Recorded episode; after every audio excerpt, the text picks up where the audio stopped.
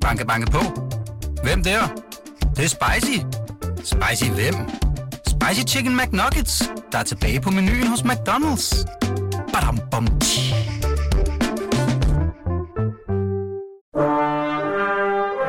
Du lytter til Radio 24 /7. Velkommen til Flaskens Ånd med Poul Pilgaard Jonsen. Hvad er historien med det her bord? Det er bare ikke det, jeg købte. Jeg synes, Du er sådan en, der, der køber sådan Ja, det er det. Det passer godt til det her værelse, vi skal have. Ja, det er det?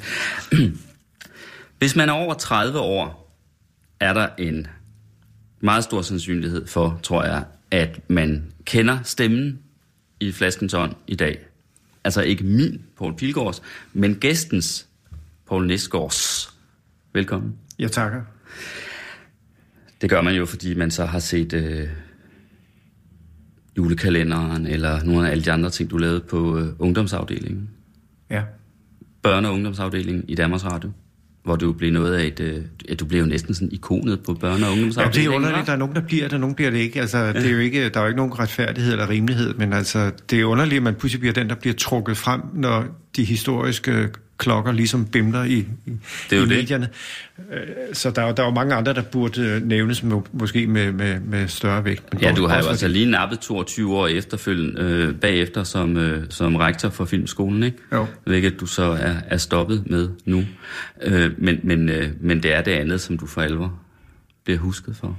Ja, jeg sidder lige og råder, fordi jeg afleverede 550 bånd til Danmarks Radio her for en måned siden, som jeg bare havde haft i, i nogle skabe. Og der var, der var noget, der hed Børn laver radio, som vi lavede der tilbage i 70'erne. Og der var blandt andet øh, med alle mulige sådan kendiser fra den tid. To Ditlevsen mm. var en af dem. Og der fik Danmarks Radio pludselig fingre i de der bånd. Og pludselig var det jo alt det, man bare havde sådan lavet sådan til daglig brug, han har sagt, til, til den daglige radioudsendelse, børneradio og alle mulige andre ting. Det var pludselig blevet sådan øh, ikonisk og pludselig historisk værdifuldt, litterært interessant. Ja. Og så blev der lavet en hel times udsendelse, næsten uredigeret af det der øh, bånd, som okay. Jeg bare havde liggende. Det Ja. var ikke en færdig udsendelse, det var bare uredigeret.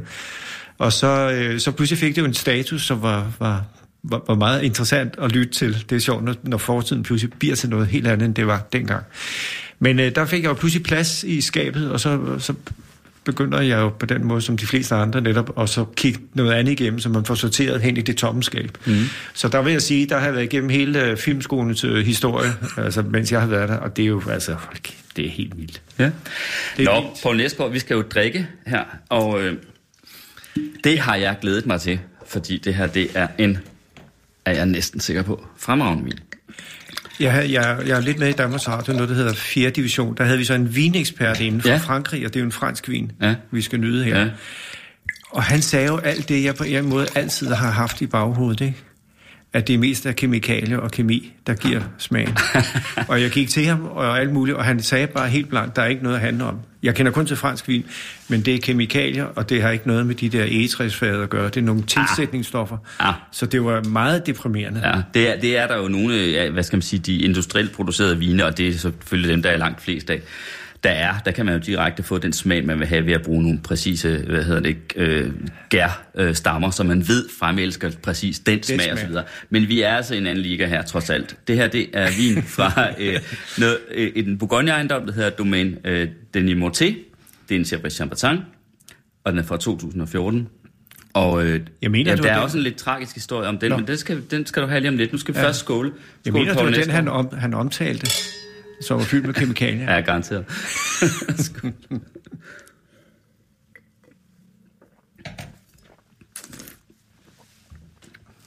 Jeg elsker viner, der er som det her. Øhm, Den smager udmærket. Jeg kan bedre lide, den, når der er ost til og sådan forskellige Ja, ting. det Altså, jeg, jeg er virkelig ikke vinkælder, skal du vide. Jeg, Det får man ikke her Jeg har fået så. så vidunderlige vine igennem min, mit liv, fordi Ja. min vej har ført forbi mange forskellige, der har haft stand på vin. Ja. Så jeg har smagt meget, men jeg kan jo ikke sige, at jeg er ekspert. Uh-huh. Men der er, der er meget smag, også eftersmag i denne her. den her hedder øh, Mes cinq terroirs, altså mine øh, fem øh, terroirs, altså øh, steder, kunne vi kalde det her. Og det er simpelthen udtryk for, at, øh, at det er druer fra, øh, fra fem forskellige marker, der i virkeligheden har været deres navn, men så er de, og sikkert øh, hver deres karakter, men så er de så bragt sammen til sådan en cuvée, som man vil kalde det her. Og ham, der øh, fandt på det, øh, er ham, som ejendommen har navn efter, Denis Morté. Han gjorde det første gang i 2005. Altså blandet de her fem, ja. øh, fem marker. Fordi normalt så går man jo øh, meget op i, at man ikke skal blande ting. Men det ja. viste sig, at lige nøjagtigt de her fem marker til sammen lavede en helt vidunderlig vin. Så det, jeg tror altså ikke, det var derfor, at han rent faktisk året... Nej, første gang var 2004, og så noget, han har lavet 2005. Og så i 2006, der tog han livet af sig selv ude på gårdspladsen. Okay. For en ejendom. Og så er det... Øh, Var der hans... forklaring på det? Nej, det, jeg ved ikke hvorfor. Depression. Men øh, ja, nok. Han, han lider af depressioner. Og nu er det så hans øh, søn Arnaud Morté, som har overtaget det. Og som først er begyndt lige nu her igen at lave øh, den her særlige, øh, hvad skal man sige, blanding af de her fem, som ligesom var farens signatur. Altså ja. han har jo måske haft lidt ærefrygt, ikke? Ja, og jeg har fået den øh, op øh, i Lykkes Mose vin, som importerer den. Men det, man kan jo Sådan konstatere, at der er mange ord, når man begynder at tale om vin. Ja, det er der. Jeg forsøger endda at... Og jeg kan sige, at øh, jeg synes også, når man ser på etiketten, når man ser på etiketten, når man ser de forskellige flasker, så bliver der jo virkelig, det er jo ikke så, at man helt tror på vinens egen øh, sprog, men man er altid nødt til at iklæde den et sprog, og iklæde den en, en meget sådan, kan man sige, en, en vægtig og tung Ja. flaske, smuk flaske, æstetisk smuk. Og jeg har det lidt sådan, du ved, hvis du tager den øh, ortodoxe kirke, eller den katolske kirke, så har jeg også altid tænkt, tror de helt på det, siden de er nødt til at gøre så meget ud af det. Ja, ja. Det kan man sige. Man kan, kunne jo også vente om at sige, at de måske rent faktisk sætter det så højt, så de lige præcis vil iklæde det så meget guld, glimmer og skønhed, ikke også? Jo, det klart, men og, det og det, og det, det siger jeg, fordi med vinen, i hvert fald når det er vinentusiaster, der taler meget om vin, så, så tror jeg jo, det er fordi, at øh, de ønsker at give udtryk for at, at, at beskæftige sig med den begejstring. Jamen, jeg har, jeg har siddet, det, ikke? altså, jeg kan jo konstatere, at når jeg sidder i en vinkælder, som øh, er en vis kvalitet, og der er siddet en, der har forstand på det, og som har sproget, Ja. så har jeg fået de bedste vine.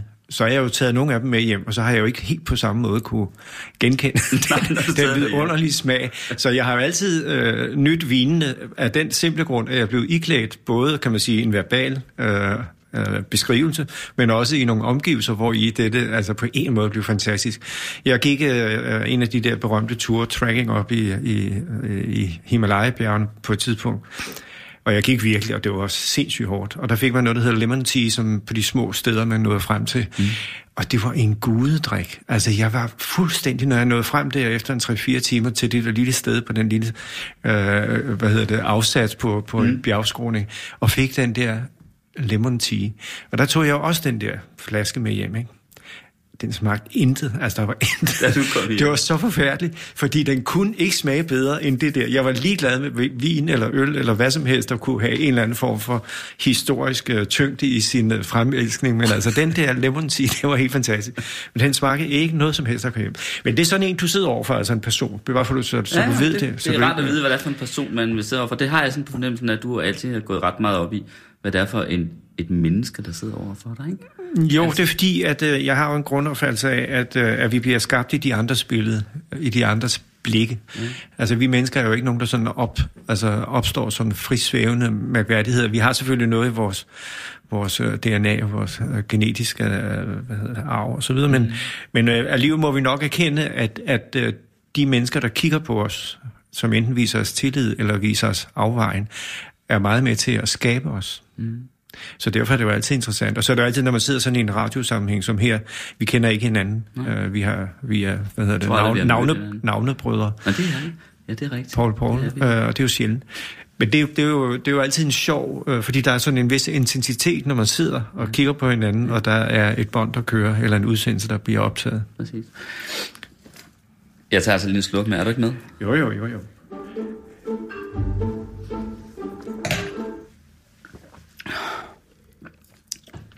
Apropos den katolske kirke, eller kirke i det hele taget. Så du er vokset op i en præstefamilie. Ja. Det ved jeg. I Uderslev, Uderslev. nordvest København. Ja. En afsindig lille kirke. Den ligger der stadigvæk. Mm. Øh, der var en anden præst, som var min fars kollega, og han, havde, han havde, var meget mærkelig. Han var en, der samlede på frimærker, brugte frimærker. Og det gjorde han af den simple grund, at det var den, den måde, han skaffede kapital penge til at bygge en ny kirke. For den der kirke, det var altså en lille barak, der var, der er ingen, og man kan se, at den ligger sådan skjult bagved. Den er ekstremt lille. Så han bygger den her kirke af alle de her brugte frimærker. Ja, ikke af dem, men med betaling fra, fra de brugte frimærker. Og far synes, han var en lidt mærkelig mand, og det viser sig også, at han er, er lidt, lidt mærkelig. Og jeg møder så en, en der, der, jeg spiller tennis, og møder i omklædningsrådet, så er en, der siger et eller andet om noget tredje og fjerde, så siger han, jamen, hvor kommer du så fra, spørger så. Jamen, jeg vokset op i Grønland. Det er derfor, jeg har den lidt aggressiv. Sådan, jeg, hvis jeg ser noget bevæge sig, så tager jeg altid en sten og kaster efter. Og det var, da jeg var, øh, var teenager og kom til, hjem til Danmark, så, så var det et stort problem, for jeg kastede altid efter alting, og så blev jeg jo taget af politiet og så videre. Mm. Nå, hvad, hvorfor var du i Grønland? Jamen, det var, fordi min far præst. Og det er sjovt, min far var også præst. Hvor blev han så præst hen? Jamen, det blev han i Uderslev Kirke. Nej, det er da mærkeligt. Der var min far også præst. Hvornår var det? Ja, det var der i starten af 50'erne. Ej, det er da mærkeligt. Er du Clausens søn? Og så fik jeg jo historien om de der frimærker. Og så havde han bygget kirken, som jeg jo slet ikke havde set som andet end en kirke. Men det er jo et isbjerg. Altså Uderslev Kirke er, er bygget som et isbjerg, mm. der ligger der på Uderslev Torv. Så det var ret, ret fascinerende. Ja. Hvilken. Øh, han var i hvert fald ikke katolsk, din far, så meget ved Nej, det, men... han kommer fra det, det man vil kalde en intermissionsk uh, tradition. Ja. Hans far kom fra, fra nede fra Næsvedegnen, noget der hedder Rude ved. Holstandsborg, og, og der, der var hans far, var, var den, den, der var prædikanten på, på, hvad hedder det, på egnen. Og jeg tog ned øh, og skulle holde foredrag i, i Skelskør, og så kom jeg forbi, og pludselig genkendte den der kirkegård, som hører til Holstandsborg Slot. Det er med og, det kæmpe store egetræ, der er Ja, der er ud. gået ud, og det nu bliver det stø, støttet. Du, ja, men nu hænger der altså sådan kæmpe stålwire, der ja. bærer nogle af grenene op. Det ja. er sindssygt. Det, det, det er fuldstændig vanvittigt. Slægten Holstein, der ligger begravet under den, tror jeg. Det, altså det, ejerslægten på der kommer jeg kørende, Der kommer jeg kørende, og det, er, det, det blæser godt op i de gamle træer, og det, det støvregner. Øh, og så er det jo sådan en, en uh, fritliggende uh, begravelsesplads, ja, ja. som, som har uh, jern hvad hedder støbejern, som, som gitter hele vejen rundt, ja. og sådan en støbejerns øh, låge, der knirker, og så ja. kommer jeg ind der, og så kan jeg ikke huske, for jeg, jeg har aldrig set mine bedsteforældre, de var døde før jeg blev født. Så jeg går ind sådan lidt og kigger sådan lidt, og så kommer der en mand hen mod mig, som øh, havde ordnet en, en nyslået grav, og kommer hen og siger, søger de nogen? Og så kunne jeg ikke huske, hvad mine bedsteforældre Jeg kunne kun høre, de hed Jensen. Ja, det er første skolelærer Jensen, sagde jeg så, ikke? Han ligger dernede ved sin hustru. Det er den største gravsten her på, på, okay. øh, på pladsen. Nå, siger jeg så. Ja, men øh, jeg, jeg går derned, og han har en sædemand, der sover siden. Nå, fint. Så gik jeg ned og fandt, og så stod jeg der og kiggede og tænkte, Nå, hvad skal jeg nu? Og så videre. Og sendte nogle smukke tanker afsted, og her står jeg. Ja, ja hvad skal jeg sige? Tænker jeg sådan. Så efter et stykke tid går jeg tilbage igen, så møder han mig. Og så siger han, de skal vide, at deres deres øh, bedstefar var en meget stor mand her på egnen. Når han talte Guds ord, så blev du levende i blandt os, og det kan du få bevidnet, hvis du går rundt på gårdene og taler om de ældste. Okay. Nå, det var fantastisk, sagde jeg så. Det var, hvordan har de det med Gud, siger han så, ikke? Øh, jo, min far er jo præst. Ja, det ved jeg, sagde han så. Nå, ja, øh, jo, øh, det går det går Prøvede sådan at snakke lidt rundt og udenom og alt det der. Og så sagde han pludselig helt umotiveret, for kan man jo slet ikke holde ud, man kan slet ikke tillade sig at se søndagsavisen mere. Den hedder søndagsavisen. Nå, Nå nej, der, der sker så meget ude i verden. Det virker vel lidt voldsomt, sagde jeg så til ham. Men det, det handler om, det var, der havde, så kunne jeg bagefter regne ud, at der havde været den der første pornografiske udstilling i Forum, som havde været i søndagsavisen. Det kunne jeg nemlig huske, da jeg satte mig ind i bilen. Så det var ligesom det miljø, min, min øh, far rundede af. Det er, det er altså troen på, på Bibelens ord, øh, og på det levende ord, og så at gøre det konkret. Så far havde også den meget, kan man sige, sådan farverige tilgang til at være øh, troende, men samtidig et menneske, der havde så mange andre facetter, som gjorde, at jeg vil sige, at være vokset op i det hjem, betød to ting. Det ene, at alle de store spørgsmål var der svar på. Mm. Men livet skulle jo ligesom øh, være et forskræb til det, der kom bagefter. Mm. Så derfor virkeligheden som konkret virkelighed var ikke noget, der sådan var var, var noget, man, man forestillede sig, man kunne gøre noget ved, eller skulle interessere sig særlig meget for. Kun hvis der var den her, det var under uh, hele den kolde krig og atomtruslen, så var det jo bare tegn i tiden på at uh, Kristus... undergangen, øh, eller... Ja, Kristi, Kristi genkomst. Så alle de store ting, der ligesom bølgede ind over, og som kunne gøre mange forskrækket, det blev sådan set bare et tegn i tiden. Så det, derfor har jeg jo fået den, den mest trygge barndom, du overhovedet kan forestille dig. Altså, det var en lille verden i virkeligheden? Ja, det var en lille verden, men som kunne... Hvor man ikke rigtig interesserede sig for det udenfor? Kun som, kun som på den måde, at det var tegn Altså man læste tiden som tegn i forhold til, til Men, men til gengæld, Poul Nesger, så må det jo have været en lille verden med, hvad skal man sige, med nogle meget store tanker indeni, for det har vel Jamen, så det været, været kristendom, øh, om religion og øh, Jamen det er det, jeg siger. Alle de, store spørgsmål, jeg. alle de store spørgsmål omkring livet var sådan set besvaret i hele opdragelsen. Ikke? Mm. Det ligger jo i, i, i kristendom og etikken og i alt det. Øh, så, så, og så det andet, jeg fik, og det var, det var min fars store fortjeneste, måske også min mor og min faster, men det, det var den der, en, en, en lille øh, splint af, i- af galskab, som, som øh, han, han elskede at, at, at på en måde bryde. Og det vil sige, at da jeg så bryder med, med min, øh, med min øh, barnetro i den forstand, og det miljø, så er, der, så det er slet ikke noget... Øh, det er ikke noget drama på nogen som helst måde. Mm-hmm. Fordi jeg kommer ind i BU-afdelingen, som jo er meget, kan man sige, politisk aktiv, og, det er i den periode, hvor hele tiden tror og håber og drømmer om at ændre verden, og man kan gøre det. Ikke? Man går Ja, meget det er aktivt. i, er det i 68? Det er 68, Det er ja. simpelthen det ikoniske år for Ja. ungdomsoprør og seksuel frigørelse og Ja. det hele. Og, du, jeg- var og du blev jo så sådan en rød lejesvend. Nej, det var jeg jo ikke, for jeg, jeg var bare i puberteten og fuldstændig Ja, men du om fik alt det. senere et ry som, ikke? Jo, jo, jeg, har, jeg Altså- tror ikke, jeg har det. Altså, jeg, fordi jeg, jeg blev altid brugt som præstesøn. Så jeg var et alibi for, at der var en stor mangfoldighed. Nå, at der er ikke kun var røde Ja, lejesvend. det det, men det- er alligevel sjovt, fordi du er en af dem, der bliver taget frem af nogle af dem, der har været med Jamen, kritisk det- over for Danmarks Radio, ikke? Altså, det, jeg kan ikke tage æren af det, fordi der, jeg var faktisk så uvidende at, øh, omkring politiske forhold, at det var, det var det, den, den kappe kan jeg ikke iklæde mig. Men jeg var jo dybt nysgerrig, fordi at jeg pludselig mødte mennesker, der talte om det, der skete lige uden for døren og ude i verden. Og talte Nå, det om havde du ikke på- været vant til derhjemme. Nej, det havde vi ikke. Mm. Men så havde du jo to ben. Du havde et ben i, i den religiøse lejr, som jeg var meget dybt involveret i, noget der hed KFS, Kristi Forening for Studerende.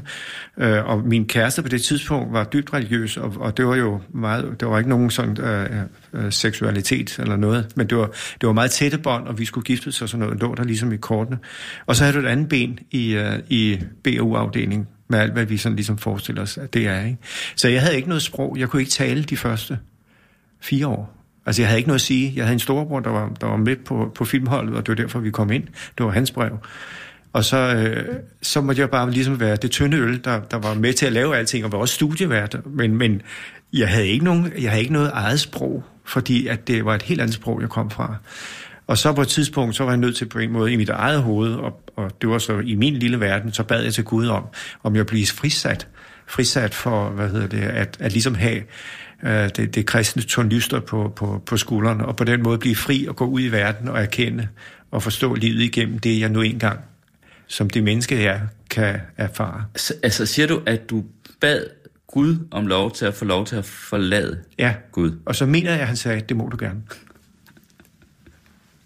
Jamen, hvordan skulle jeg ellers få det til at gå op? Jeg møder Johannes Møllehave på det tidspunkt, fordi han er oversat Jesus Christ Superstar, og der sagde min, min daværende kæreste, hun sagde, det er blasfemi, og jeg sagde, for det var the missing link i mit liv, ikke? Det var jo, endelig var der noget, der ligesom svingede med noget i BU-afdelingen. Og Jeg tror lige for, for yngre lyttere, at du, vi må få forklaret øh, Jesus Christ Christ Superstar, hvorfor det var så odiøst for nogen.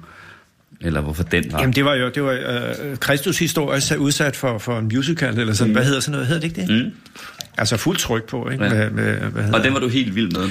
Jamen, jeg var da helt op at køre, fordi for det første lavede jeg tv med Eddie Skoller og alt muligt. Jeg troede, han var rigtig frisk. Altså, han er jo, som han er, og alt det der. Men jeg kendte ham jo kun fra fjernsynet mm. og fra, fra optræden. Mm. Når man så skulle interviewe ham, så var han meget, meget formelt, og alt skulle være forberedt på forhånd. Og hvilke spørgsmål har du tænkt? Det var jeg meget forbløffet over, for jeg var meget mere vild på den måde. Men det langt, at jeg kom jo ind i nogle, nogle miljøer, og jeg oplevede pludselig, at at kristendommen ikke behøvede at være ligesom pakket ind i en, en, en religiøs kirkelig øh, udgave, men kunne også godt være udtrykt på alle mulige andre meget mere poetiske og showagtige måder. Men hun synes, det var blasfemi. Jeg synes, det var helt fantastisk.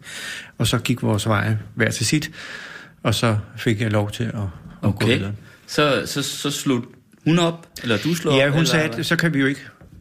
Så kan vi jo ikke. Okay. Øh, og det har han jo fuldstændig ret i. Jamen, det var meget mærkeligt. Og så kommer det der mærkelige, som, du ved, altså når man på den måde bliver sendt ud i verden i sit eget billede, altså i sin egen forståelse, så bliver, får alting betydning. Alle mennesker, man møder, hvad siger de, hvordan og ledes, fordi man kommer fra et fremmed sted. Du bliver sådan set fremmedgjort for dig selv i den transformation, som du går fra et miljø til et andet. Jeg har jo stadigvæk hele øh, øh, den kristne poesi og, og forståelsesramme og filosofi osv. Den, den er jo ikke en, man bare lægger fra sig. Så der er masser af øh, afgås i min måde at tænke på. Mm. Men du bliver på en måde øh, sat fri, og du bliver fremmedgjort, og du bliver på den måde meget mere bevidst. Også fordi du er nødt til at genopfinde dit eget sprog. Og jeg tror næsten de, der kommer fra en anden kultur, når vi taler om immigranter og så videre, mm. ikke? der hvor man på en måde overlever det skridt, der får du altså en helt anden konkret bevidsthed om, hvem du er, hvad det er for et sprog, hvor du egentlig står. Fordi du kan sådan set intet bruge af det, du havde før. Nej, og dog har man det med sig. Altså, fordi jeg noterer ja. mig jo, at du... Øh, altså, der findes jo nogen, der er vokset op i, i, i stærke religiøse miljøer, som, øh, som når de forlader det, øh, hvad skal man sige, forlader det med brask og bram, og, og tager meget afstand fra det. Men du taler jo om det med kærlighed, kan jeg høre. Jamen, jeg har... Øh jeg, jeg havde det problem, at jeg skulle holde en tale til min fars fødselsdag, og det, det, det var først 60 og 70, og så først som 80 kunne jeg ligesom holde en tale, for jeg kunne ikke holde, jeg kunne ikke, jeg kunne ikke holde fast i, hvem er han egentlig. Og det jeg fandt ud af, det var han jo, øh, om ikke var snydt ud af min næse, det kunne han jo af gode grunde ikke være, men altså, vi rummede mange af de samme, kan man sige, mm. øhm, måder at, at leve vores egen øh, tanker og frihed og ja. glæde og kærlighed ud til, til der, hvor man nu var. Ikke? Der var ikke så mange fordomme. Min far var meget fordomsfri på den måde. Og han var Men det lyder også som om, at du har også... fået en, øh, et afsæt, der på en eller anden måde har været, øh, hvad skal man sige, øh, at du sagde selv tryg, tror jeg. Øh, øh, men vel også meget sådan, altså, du har jo ikke været i tvivl om, øh, hvem du var. Altså, i betydningen, du har ikke været rådløs. Altså, du har Nej, fået det, en stærk det, det, rod, det, lyder det som. Jamen, det, med, med det samme, det er min egen sådan, Peter forklar.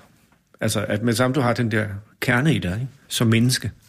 Og det er jo den tryghed, du får i barndommen. Det er jo den kerne. Jeg ved ikke, om man kan genskabe den, hvis den først ikke har været mm. der. Men altså det, der sker med, med, med... Jeg har oplevet nogle mennesker, som... Og det, nu taler jeg om meget konkret, uden at nævne noget som helst, men det var en, jeg møder, som, som havde det der, at vedkommende kunne simpelthen meget hurtigt reflektere på en anden måde, altså skifte spor og tænke ud af den modsatte retning. Ikke? Altså havde en, en, på en måde en, en meget levende og farverig fantasi, som på en måde kunne stikke ud alle retninger. Og jeg så det som en enorm styrke, indtil jeg opdagede, at der vedkommende så skulle arbejde konkret med nogle andre mennesker. Så den ene dag sagde han, nu med stor nu går vi den vej. Ja. Og næste dag, så gik han jo den modsatte vej. Ja. Og så, så er der jo ikke noget, og jeg tror, det er det, der gør folk tosset på nogle mennesker. Det er jo fordi, at at de på en måde ikke har en retning. Altså, du kan ikke læse dem. Så når vi bliver tosset over et andet menneske, så er det som regel fordi, at ja, det kan også være, at de er helt idioter, men bortset fra det, at der er noget, der ikke stemmer. Altså, de på en måde ikke, der gælder en regel for dem, og der gælder en anden regel for andre, eller at der er noget modsætningsfyldt, fordi man ikke har retning eller kernen i det. Mm. Det synes jeg også har været min erfaring gennem livet, også med chefer og sådan noget, at, at folk, der, hvad skal man sige, man kan være meget uenig med, med de der ligesom, hvad skal Hvis man sige, du ved, hvor du har dem, og hvorfor de har er nogle meget stærke holdninger, som, er, som de er dybt funderet i. Altså, ja. de er så sgu dejligere chefer, altså de er også lettere at have med at gøre på en måde, fordi... Ja. Det var så, sjovt, det opdagede vi, når vi lavede det der tv, som ingen øh, under 30 kan huske. Sikkert, man skal nok også snart op på 35 år. Jeg, ja, jeg tænkte faktisk, at vi lige skulle få nævnt et par programmer, ikke? altså hvorfor de var så provokerende. Men der var noget med en julekalender, jul og grønne skove, og den var uden nisser, ikke? Øh, og det var det, der var meget. Øh, yeah. Der var mange, der var meget provokeret. Så var der Paul og Nulle i hullet, hed det Nej, det var julekalender. Det var julekalender. Nej, Men så var der også noget med øh, nogle optrin med Egon Weidekamp øh, og BZ'erne og, mm. og en masse nøgne mennesker på... Mm på, på, øh, på Rådhuspladsen og sådan Rådhuspladsen, ja. Altså, altså noget, der virkelig provokerede øh, ja. nogen, eller mange, øh, i Danmarks Radio dengang, eller rettere sagt de, der så TV. Og, det, og, og de så det alle sammen, for der var kun den ene kanal. Præcis. Ja, så var det jo. Hvad er egentlig det mest provo- det der, ja, I har lavet det, eller I lavede dengang, som blev opfattet jeg tror, som var, mest provokerende? Jeg, jeg, jeg, det jeg selv synes var mest provokerende, og som Nulle, som var med til at lave det, øh, og som flere andre gode folk. Mm. Men øh, vi, vi, vi var, var tit op og skændes om forskellige ting, fordi det var ligesom beslutninger om, hvad vej skal vi gå, ikke? Hvad skal det handle om? Men jeg tror, det var den med de nøgne. Det var noget, der hed Kulørt Klat, som var sådan nogen, der, der, der lavede happenings med, at de var nøgne og så videre. Og det, det, det synes vi rummede noget i tiden, så vi ville sætte det over for, det, for de, de religiøse øh, etiske holdninger sat over for den mere kropslige og det at leve tingene ud en mm. til en. Så det var det, han, øh, udsendelsen øh, handlede om, øh, de her forskellige måder at, at bevæge sig i, i tilværelsen på. Og hvad, hvad skete der så? Jamen, så var vi lidt i tvivl nemlig om, om de der kulørklat, vi havde mødt nogle af dem, og, sådan, og om, om de nu kunne reflektere godt nok over det, de gjorde, eller om det bare var noget, de sådan, synes det var skide sjovt og sådan noget. Mm. Så derfor inviterede vi Jens Jørgen Thorsen med, som dem, Den de gamle promokunstner, der har malet Jesus med, med, med en pik, ikke? Jo, og som, Ja. øh, som jo hele tiden øh, altså skal ud til den grænse der. Ikke? Ja. Altså, der var et eller andet, han ikke havde helt... Han, han, var, han var faktisk sådan en person, hvis min mor, som jo slet ikke kunne tåle ham, havde mødt ham bare i fem minutter, så tror jeg, hun var faldet for ham. Ja. Altså han rummede den her dobbelthed, både at være sindssygt charmerende, ovenikøbet meget, meget vidende inden for, for mm. kunstens verden, og så samtidig et ualmindeligt vidunderligt sjovt barn, der bare hele tiden skulle, skulle tage tøjet af og vise sig og, og, og gå, gå planken ud. Ikke? Mm. Så han, han havde barnet i sig, han spændte fra, fra, fra det fuldstændig mm. øh, vidunderligt øh, tossede barn, der bare er ustyrligt, og så i den der meget, kan man sige, øh, tænksomme og, mm. og filosoferende øh, personlighed, som kunne svare på, på mere end øh, Gud og hver mand. Vi tænkte, vi må lige have ham med, og så var vi, så var vi derude, og det var noget, Kulørteklasse skulle arrangere inde på Rådhuspladsen, uden vi rigtig vidste, hvad det var. Og det var, ideen var, at de skulle øh, stille sig op som de nøgne kulturer, skulpturer, undskyld, der er rundt omkring i København. Ja. Ikke? Så på en måde var de bare en levendegørelse af de her nøgne, øh, klassiske Ja. øh, figurer. Og så skulle de så gå bananas bagefter, havde vi fået fornemmelsen af. Men vi sendte så øh, Jørgen Jørgen Thorsen ind øh, til de kulørte glat, og, og det havde de gået med på, og de var så derinde, og vi stod bare og ventede ude på gaden og ligesom forberedte os. Så sker der det fuldstændig, så kommer der nogen ud fra kulørte glat og siger, ham kan vi ikke arbejde sammen med, han er så grænseoverskridende. det synes jeg lige var vidunderligt. Men de fandt så hinanden alligevel, og så lavede de den der happening, som, som var meget voldsom. Øh, det er næsten sådan, som jeg ikke, jeg vil ikke sidde her og fortælle, hvad der egentlig skete, fordi Og det var så skete meget der? Det bliver grænseoverskridende. til at fortælle. Nej, men jeg, jeg tror ikke, jeg har set den. Jamen, Så du, du, Nej, jeg tror ikke, jeg så den. Hvad? Du nævnte den af egen mund. Ja, ja, men det er jo fordi, når man læser om der, så bliver den, Nå. øh, de her, lige præcis julekalenderen og par de andre ting, altid nævnt, ikke? Ja. Øh, Men jeg tror faktisk ikke, jeg selv så det indslag. Nej, okay. Men det var, det var, øh, det var virkelig grænseoverskridende. Men hvad skal gøre? Fordi at øh, Jens Jørgen var, var med og alt muligt. Men jeg vil sådan set ikke fortælle det, fordi at, øh, der, der, det ligger sådan... Det kan man jo gå ind og... Jeg ved ikke, om man kan finde det. For. Knaldede de?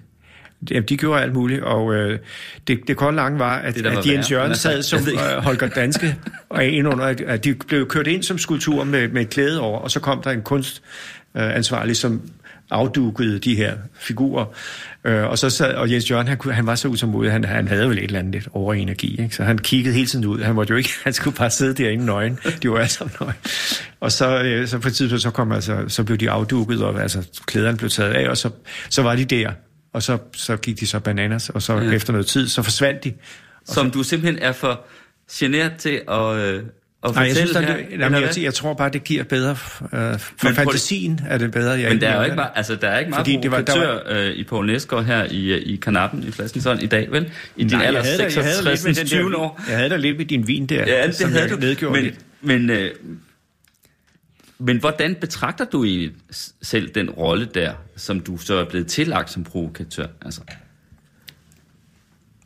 Jamen, jeg tror jo, at... Øh, jeg ved ikke, hvor provokerende det var. Jeg vil dog til øh, retfærdighedsvis sige, at øh, jeg inviterede min far og mor på middag ude i byen, da den blev sendt. Fordi og for at forberede dem, eller hvad? Nej, det var fordi, jeg tænkte, så kan far sige, at han har ikke set den. Ah. Det sagde jeg til ham. Altså, behøver du ikke at se den, og du behøver ikke at kom- kommentere som en. For jeg tænkte, at der blev meget ballade, og det gjorde der, det var det, du spurgte om jo. Ja. Og det blev der, jeg blev sat til at Danmarks Radio tage alle telefoner. Med brede lytter? Med brede, og jeg forklarede jo fuldstændig, hvad det gik ud på. Det var for at ligesom iscenesætte, for det vi gjorde, det var jo at iscenesætte. Øh, for at skabe et drama, at det er virkelighedens stof, ikke? Mm. Og man kalder det faktion, fakta, fiktion. Blanding af det, mm. det. Så det vi gjorde altid, det var at iscenesætte på en sådan måde, at vi kom frem til at, at, synliggøre og konkretisere noget, som vi synes var spændende at tale om. Nemlig altså, æstetikerne og etikerne, altså hvor meget går vi op kun i os selv og så videre, og hvor meget får vi en overbygning om, at der er et større perspektiv. Så det var det, den skulle handle om. Så der var altid en seriøsitet. Øh, Det kunne godt være politisk, det kunne også godt være på, på, på almen menneskelig plan. Øh, men vi prøvede altid at gøre det på en sådan måde, at, at det blev sjovt. Vejdekamp og besætterne, det var jo også øh, et, et, et værtshus, hvor jeg sidder og interviewer Vejdekamp, og han ved ikke, at besætterne kommer, og besætterne ved ikke, at de besætter det værtshus, hvor Vejdekamp sidder. Og så får vi altså et møde mellem to øh, meget modsatrettede øh, mm. kræfter mm. i, i, i datidens, den, på det tidspunkt, nemlig besætterne, og så Vejdekamp som overborgmester, og dermed repræsenteret magten. Og det, det går ud på, det er jo, altså har du den klassiske journalistiske opstilling af, af, af total modstand. Magten og de, dem, der synes, de var magtesløse. Mere magtesløse var de jo ikke. De havde virkelig øh, gang i den, skulle jeg helt så sige. Men det går langt. De sidder over for hinanden. Øh, og så begynder de at, og selvfølgelig at, at, at, at bruge sproget i al sin primitive form, nemlig i den konflikt, som det nu engang er. Ikke? Og hvad gør vi så i vores måde at tænke udsendelse på dengang? Vi gør det, jeg sender nulle ud i udsendelsen, som om det er direkte. Det var alt sammen planlagt. Ikke at besætteren vidste stadigvæk ikke, at White kom, og Vejt vidste ikke, at besætteren kom. Men så sender jeg nulle ud efter underholdning, og det han finder, det er Jørgen Jorting nede på en pølsevogn. Og det alt sammen virker som om, det sker her nu, og det er sådan ligesom tilfældigt. Så han kommer så ind midt i den der diskussion. Så kommer Jørgen Jorting ind. Og hvorfor Jørgen Jorting? Jo, fordi han repræsenterer det, man siger, det er ikke konfliktfyldt. Han er sådan set det mest øh, kedsommelige, harmoniske i den forstand. Ikke? Mm. Han prøver altså at lægge alle problemer ned, så de ligesom ikke strider for meget. Så han kommer ind i ungdomsreaktionen på det mest kritiske Ophedet tidspunkt. Ophedet tidspunkt. Og, og hvad, så siger jeg, jamen, hvad skal han her? Og Nulle siger, jamen, du bad om noget underholdning. Jamen, det er Jørgen Jorting, Nulle. Nå, men hvad kan du så? Jamen, jeg vil gerne lave en lille quiz med dem. Og så, så spiller han så skal de gætte melodien, og det er så tit til hinanden. Så det hele går op i en fuldstændig vanvittig Altså underholdende og samtidig. Og det, der så sker, det er jo, at de kommer til at snakke sammen. Altså det er jo, det er jo sådan set det vigtige. Vi har jo alle sammen haft øh, ægteskabelige problemer, hvor vi håbede på, at en vittighed kunne, mm. kunne afstedkomme, og vi kom til at tale sammen igen. Ikke? Det hjælper jo ikke. Eller nede i Mellemøsten, tænk hvis man kunne få palæstinenser og israeler til at, at finde den der det der sprog, som pludselig er helt væk. Ikke? Det er der mange, der gør, altså øh, mm. konkret. Ikke? Det der orkester med Bayernborn og den anden. Skål for Jørgen Jorting. For Jørgen Jorting. Ja, er som... det okay? Er du med på den? Hvad var? Er du med på den skål? Ja, ja. for Jørgen Jorting. Altså nu er der faktisk øh, kommet sol ind på dig her gennem, øh, gennem det der store vindue. Øh, har, skal jeg trække for? Nej, altså er det, det er ubehageligt? Er det det? Okay. Ja, det er dejligt, Godt. det varmer. Så lader vi, lader vi solen blive der. Jeg bliver altså lige lidt ved det med, med, med provokatøren der. Altså i den redaktion, i- var, var du sådan den, der var mest øh, provokatør, Jamen, er eller, var, eller var du i virkeligheden en, der ikke var så meget en provokatør? Men det, det var så dig, der skulle være på skærmen, kan man sige. Så det blev jo så dig, der ligesom blev, Jamen, jeg, blev billedet på det, ikke? jo. Men der har jo siddet nogen bagved, der Jeg, ikke var jeg, på tror, skærmen. jeg, tror, i, i, jeg tror, når man kigger tilbage, så, så er det blevet opfattet af en eller anden grund mere provokerende, end det en var. Jeg tror, i princippet tror jeg, hvis du opfører dig, som du egentlig er og tænker, ikke? Mm. så vil du altid være provokerende. Fordi vores tilpasning i forhold til at gøre os til og ikke stikke for meget ud. Altså.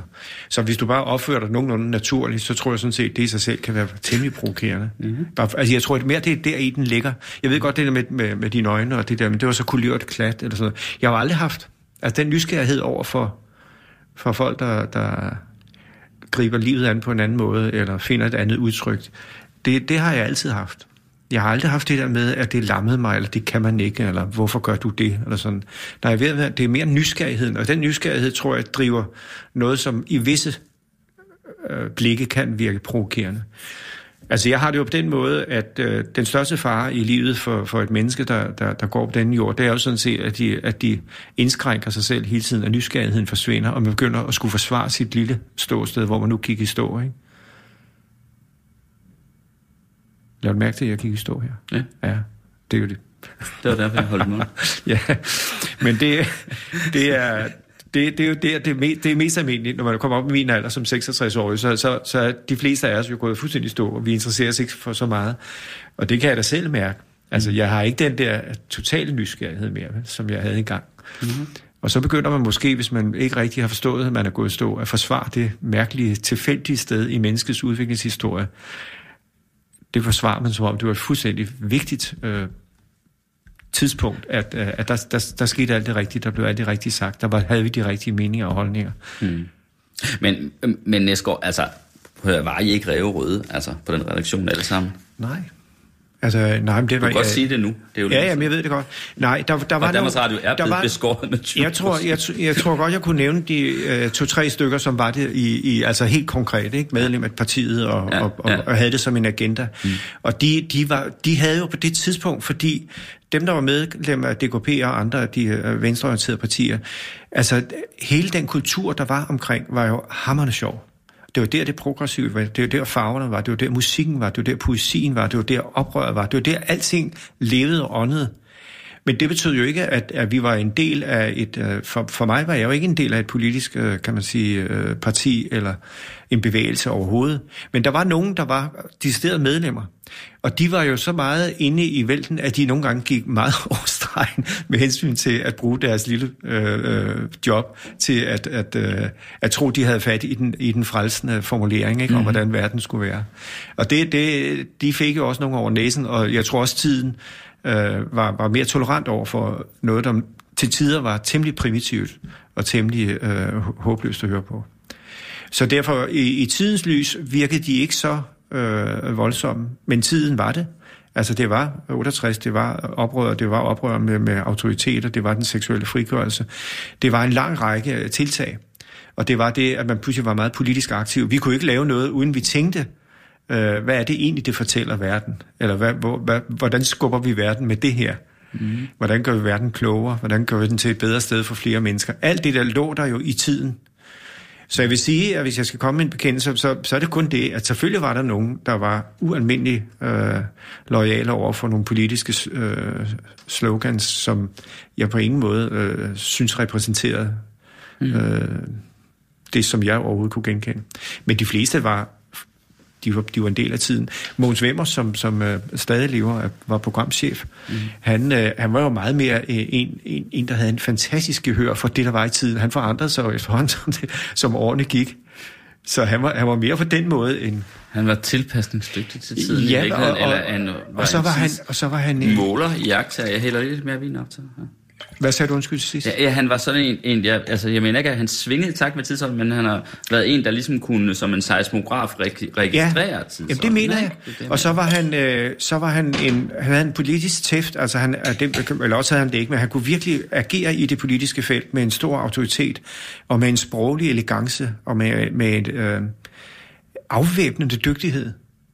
Mm. Så derfor havde BRU med Mogens Wemmer en, en fantastisk øh, chef, der kunne, kan man sige, forsvare territoriet med, med alt det indebar, hvad det, hvad, hvad det indebar, ikke? Af, af, af, af fejltagelser og forsøg og frimodighed og lyst og alt den slags. Mm. Skål.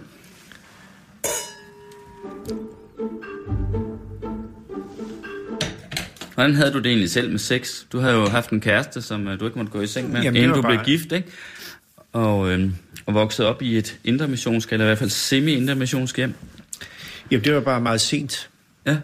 Det, det, man, det, jeg kan fortælle, for det, jeg kan fortælle, som overhovedet er interessant i den sammenhæng, det er, hvis, hvis man er så afholdende, som jeg var nødt til at være i kraft af min opdragelse, og samtidig ikke øh, fik et eneste billede på, hvad det handlede om, og ikke en sætning, fordi det er to gange i skoletiden, hvor, hvor man skulle have undervisning i, i, i seksologi, der var, der var jeg ikke til stede, og da vi så skulle på, hvad hedder det, på lejerskole, hvor man kunne have forestillet sig, at jeg var blevet øh, i hvert fald konfronteret med, med, med galskaben og vildskaben og lysten og alt det der. Mm. Så blev jeg syg første dag og røg på hospitalet med en mellemørebetændelse.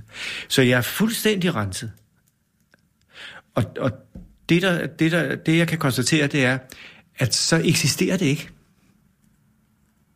Og det er jo mærkeligt. Altså, det er ikke sådan noget, der ligger som et undertryk eller noget. For jeg tror ikke, der skal ret mange, øh, hverken et billede eller en, en, en berøring eller noget andet til, som har med det at gøre. Så tror jeg, man punkterer den uskyld. Ja. Men hvis du er fuldstændig hermetisk tillukket over for og jeg tror, mine søskende, uden at overhovedet kunne tale på deres vegne, der tror jeg, de havde en, en, en større vagthed, fordi de havde på en eller anden måde måske opsnuset, eller netop fået seksuel undervisning.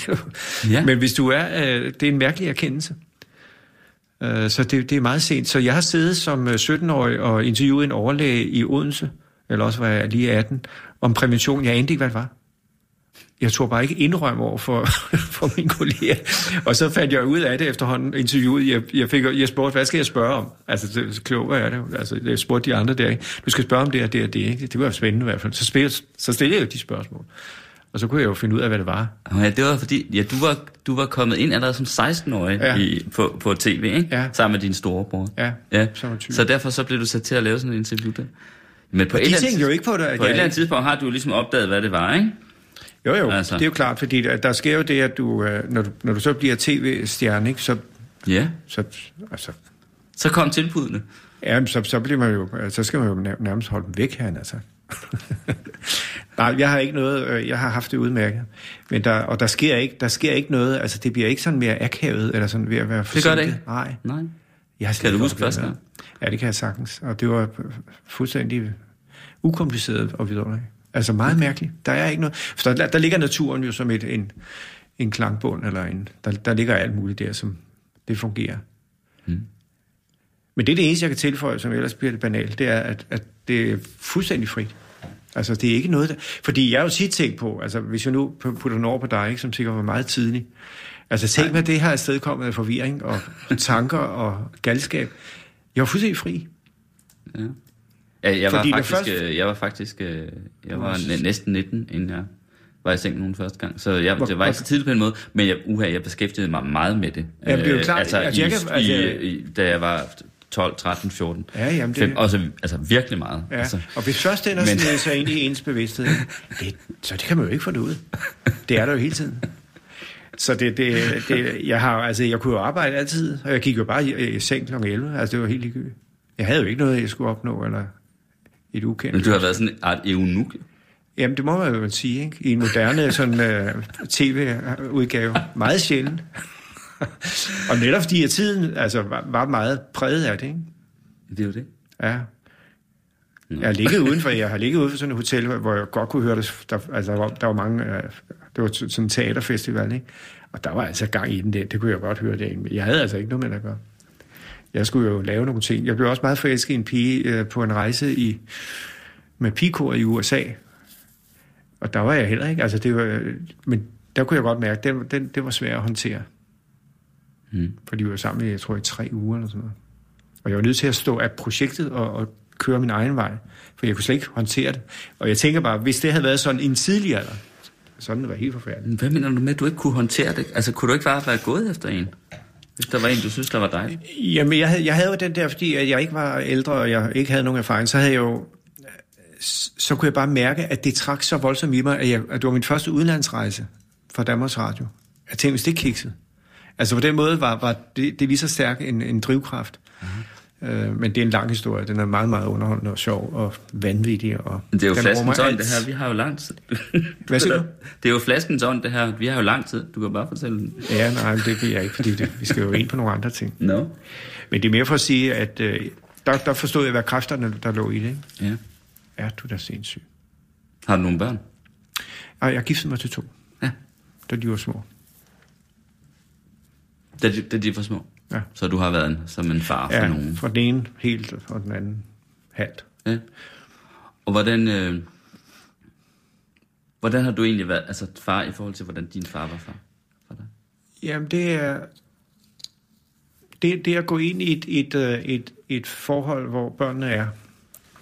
Det var der mange, der gjorde også på det tidspunkt, og det gør de jo stadigvæk. Det blev endnu mere almindeligt. Mm. Men det er, det, er en, det, er, på en måde meget simpelt og simpelthen meget kompliceret. Altså hvis ikke du forstår, at du er sidst ankommen, og det, det, det er det, der dikterer det. Ikke? Mm. Hvis du begynder ligesom at forsere, det, det fører de livet i almindelighed, at hvis du, hvis du hele tiden får, får, har forskræbt på nogle problemer, eller nogle ting, du, du ligesom Altså, du forser dig selv i forhold til de muligheder, der er, ikke? Så, så går det som regel galt. Ikke? Eller, du får så mange tæv. Ikke?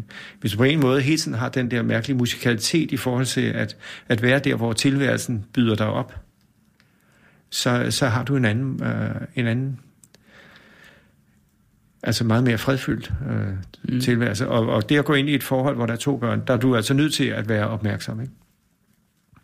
Fordi du, altså, det er jo fyldt med små øh, minefelter, som de heller ikke ved. Altså, fordi det er en fremmed, der kommer ind.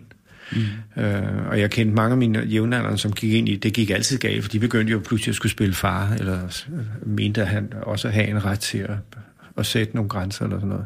Det kan man jo ikke i den forstand. Det må man jo ligesom, de skal jo byde en ind. Altså det, det er pointen. Men jeg har det hele taget det der med, hvordan man ikke forser. Altså jeg ser de fleste problemer opstår, fordi man netop altså er, er lidt for hurtig til at ville kræve noget, eller ville have noget opfyldt, eller have noget løst, som man allerede for, kon- forudkonterer som et problem, der muligvis kommer. Mm. altså der, mm. der, der er meget i den der, hvor, hvor ligger du i forhold til tilværelsen?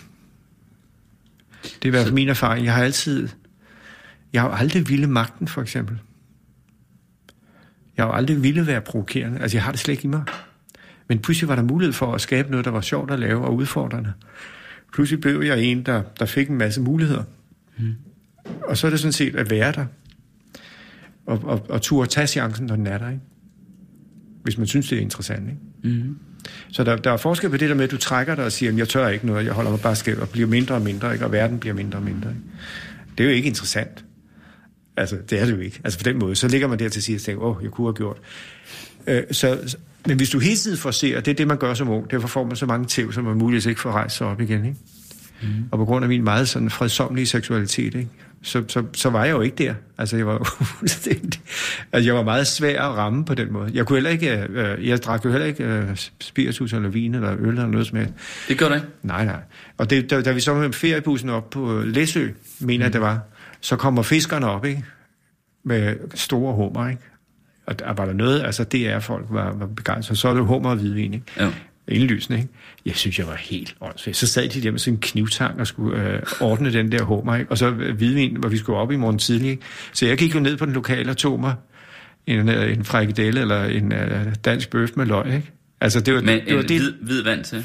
Ja, helt sikkert. Jeg skulle ikke have noget af det der. Jeg tog lidt, men det var meget, meget lidt. Ingenting. Mm. Så det var jeg heller ikke på, jo. Vi, vi gør det her i programmet. Her tager vi det. Ja, men nu er jeg også blevet 66, jo. Ja, det er men jeg drikker normalt ikke i, i hverdagen, vil jeg sige. Ja. Men det er mere fordi, at mit liv har været så fyldt med receptioner og møder, hvor man ligesom slutter af med en midt. så det... Men du blev jo en, der fik magt så, også som, øh, som rektor for filmskolen.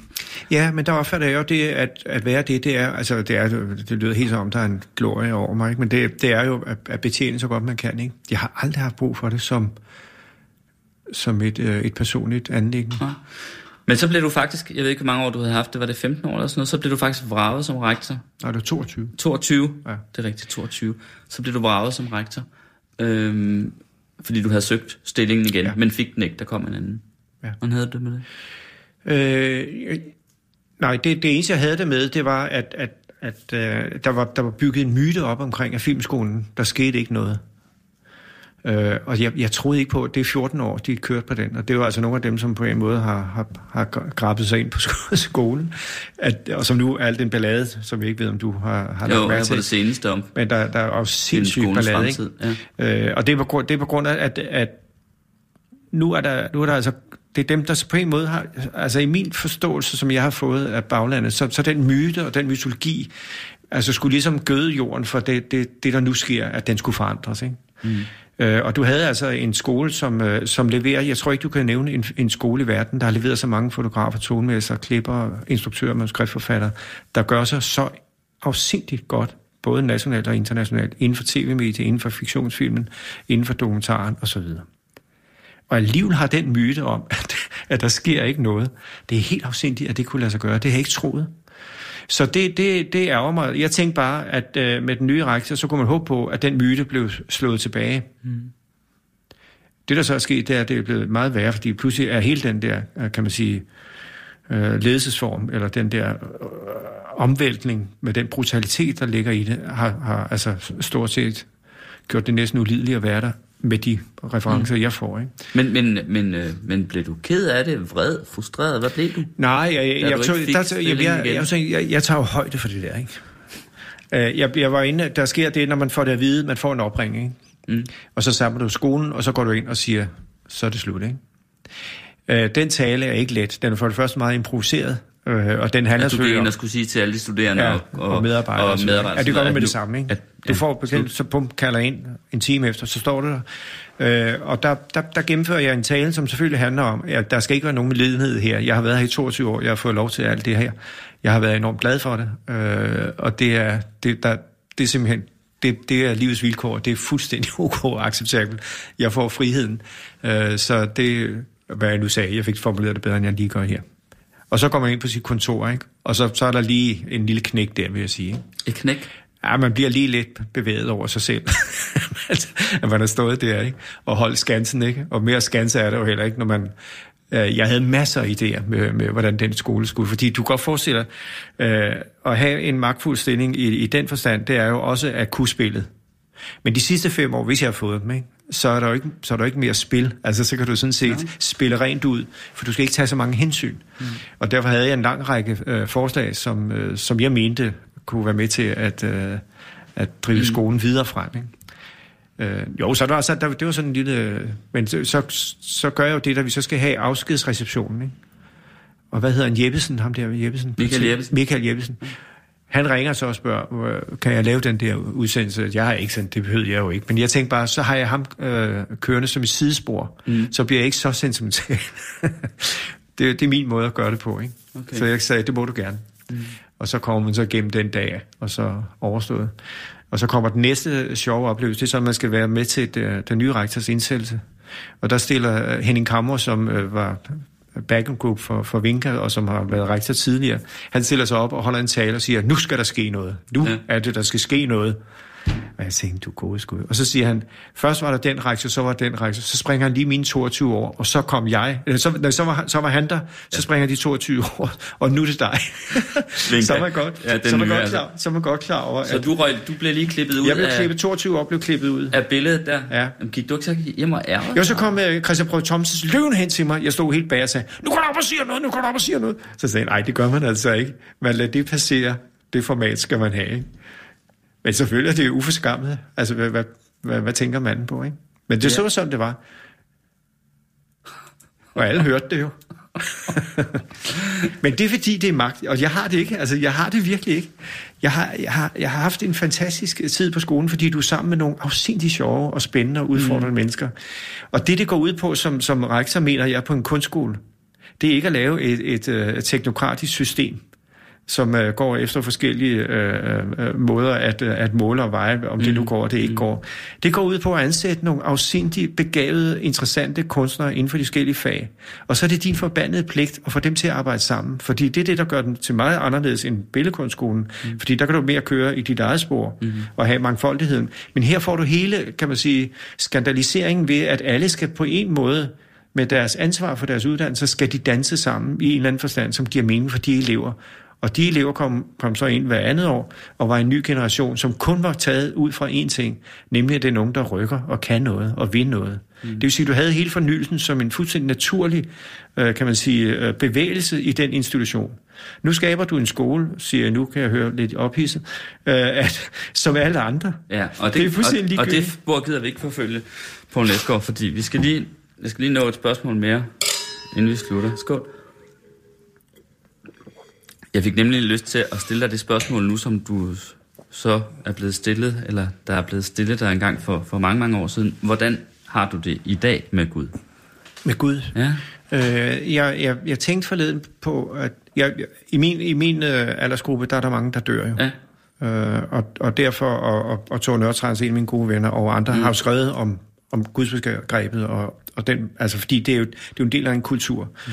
Mm. Øh, men den, den, og da min mor ligger for døden og er dement og kan, altså, kan ikke noget, så lyser jeg velsignelsen over hende, fordi min far ikke var der, fordi han var død i forvejen. Du lyste velsignelsen over din ja, mor? Ja, fordi sproget, altså sproget ja. er så stærkt.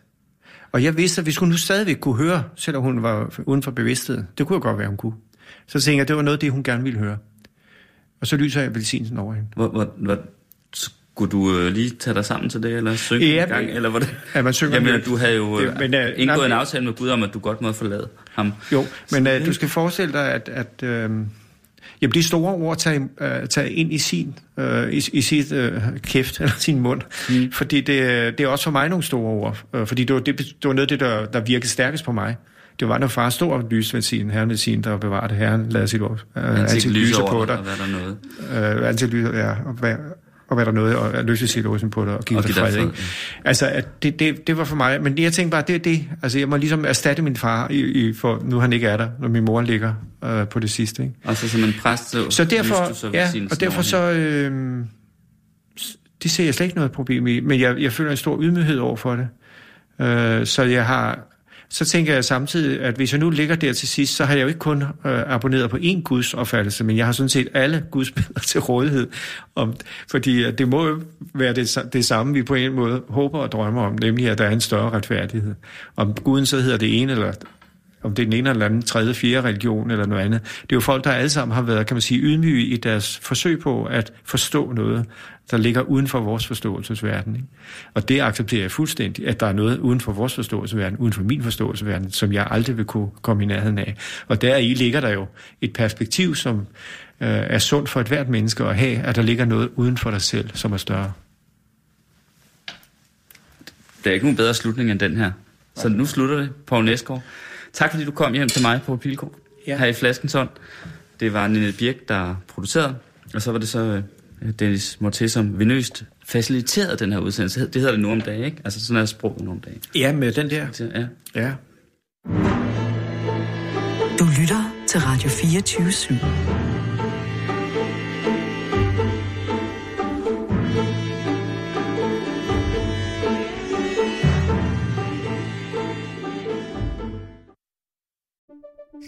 Banke, banke på.